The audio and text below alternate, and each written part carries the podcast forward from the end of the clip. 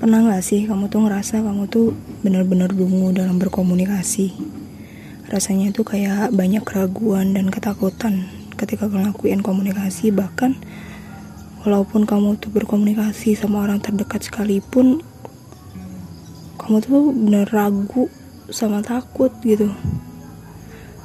Ketika kamu diajak berkomunikasi tuh sampai orang yang ngajak berkomunikasi itu frustasi ngelah napas ngeliat mereka kayak gitu tuh rasanya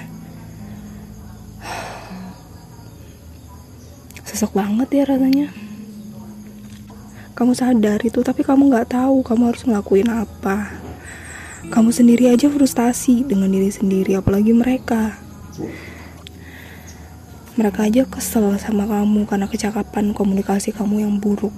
Apalagi kamu kamu bahkan kecewa sama diri kamu sendiri Udah 21 tahun tapi kemahiran dalam berkomunikasi kayak bayi. Takut salah, takut nyinggung perasaan orang, takut bikin orang sakit hati. Yang akhirnya bikin kamu jadi pribadi yang benar-benar tertutup. Sesek sih di dada sama di kepala, tapi ya gimana? Bahkan untuk mengatasinya aja nggak tahu gimana caranya.